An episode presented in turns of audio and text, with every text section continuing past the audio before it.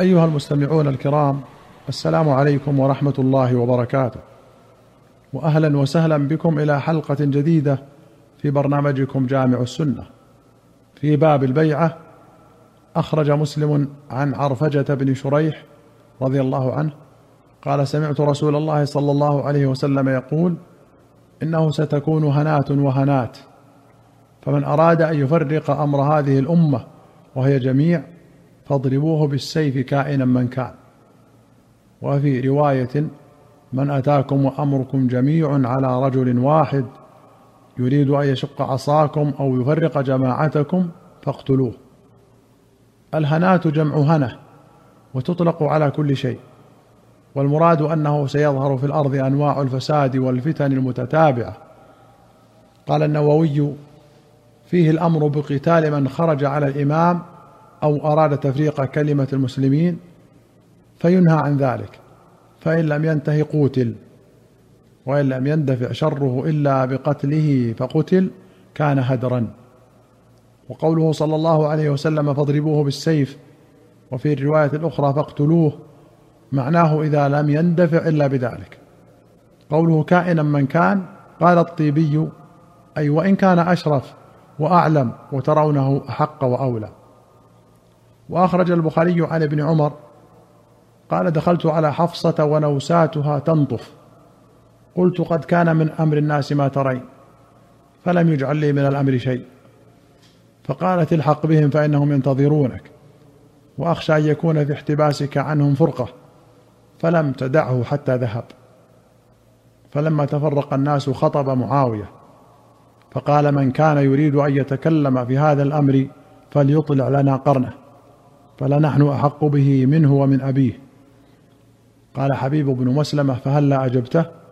قال عبد الله فحللت حبوتي وهممت أن أقول أحق بهذا الأمر منك من قاتلك وأباك على الإسلام. فخشيت أن أقول كلمة تفرق بين الجمع وتسفك الدم ويحمل عني غير ذلك. فذكرت ما أعد الله في الجنان. قال حبيب حفظت وعصمت. نوساتها ذوائبها وتنطف بضم الطاء وكسرها تقطر. وقوله فلما تفرق الناس أي بعد أن اختلف الحكمان وهما أبو موسى الأشعري وكان من قبل علي رضي الله عنه وعمرو بن العاص وكان من قبل معاوية رضي الله عنهم أجمعين. وقوله في هذا الأمر أي في الخلافة وقوله يحمل عني غير ذلك أي غير ما أردت وحبيب بن مسلمة صحابي صغير ولأبيه صحبة وكان من أصحاب معاوية رضي الله عنهم أجمعين. وأخرج البخاري عن ابن عباس قال جلس عمر على المنبر فلما سكت المؤذن قام فأثنى على الله بما هو أهله. ثم قال أما بعد فإني قائل لكم مقالة قد قدر لي أن أقولها. لا أدري لعلها بين يدي أجلي.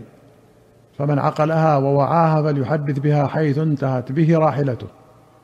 ومن خشي ألا يعقلها فلا أحل لأحد أن يكذب علي ثم قال من بايع رجلا على غير مشورة من المسلمين فلا يبايع هو ولا الذي بايعه.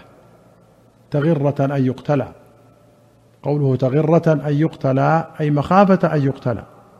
والمعنى أن من فعل ذلك فقد غرر بنفسه وبصاحبه وعرضهما للقتل لأن ذلك تهاون بالناس واستغناء عن رأيهم فلم يؤمن أن يحملهم ذلك على قتلهما. هكذا فسره ابن الأثير وابن حجر. وأخرج البخاري عن المسور بن مخرمة أن الرهط الذين ولاهم عمر اجتمعوا فتشاوروا فقال لهم عبد الرحمن بن عوف لست بالذي أنافسكم على هذا الأمر ولكنكم إن شئتم اخترت لكم منكم فجعلوا ذلك إلى عبد الرحمن. فلما ولوه أمرهم إنثال الناس على عبد الرحمن ومالوا إليه حتى ما أرى أحدا من الناس يتبع أحدا من أولئك الرهط ولا يطأ عقبه.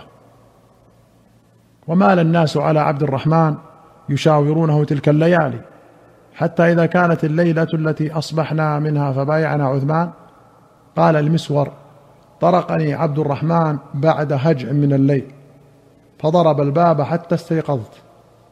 فقال أراك نائما؟ فوالله ما اكتحلت هذه الثلاثة بكبير نوم.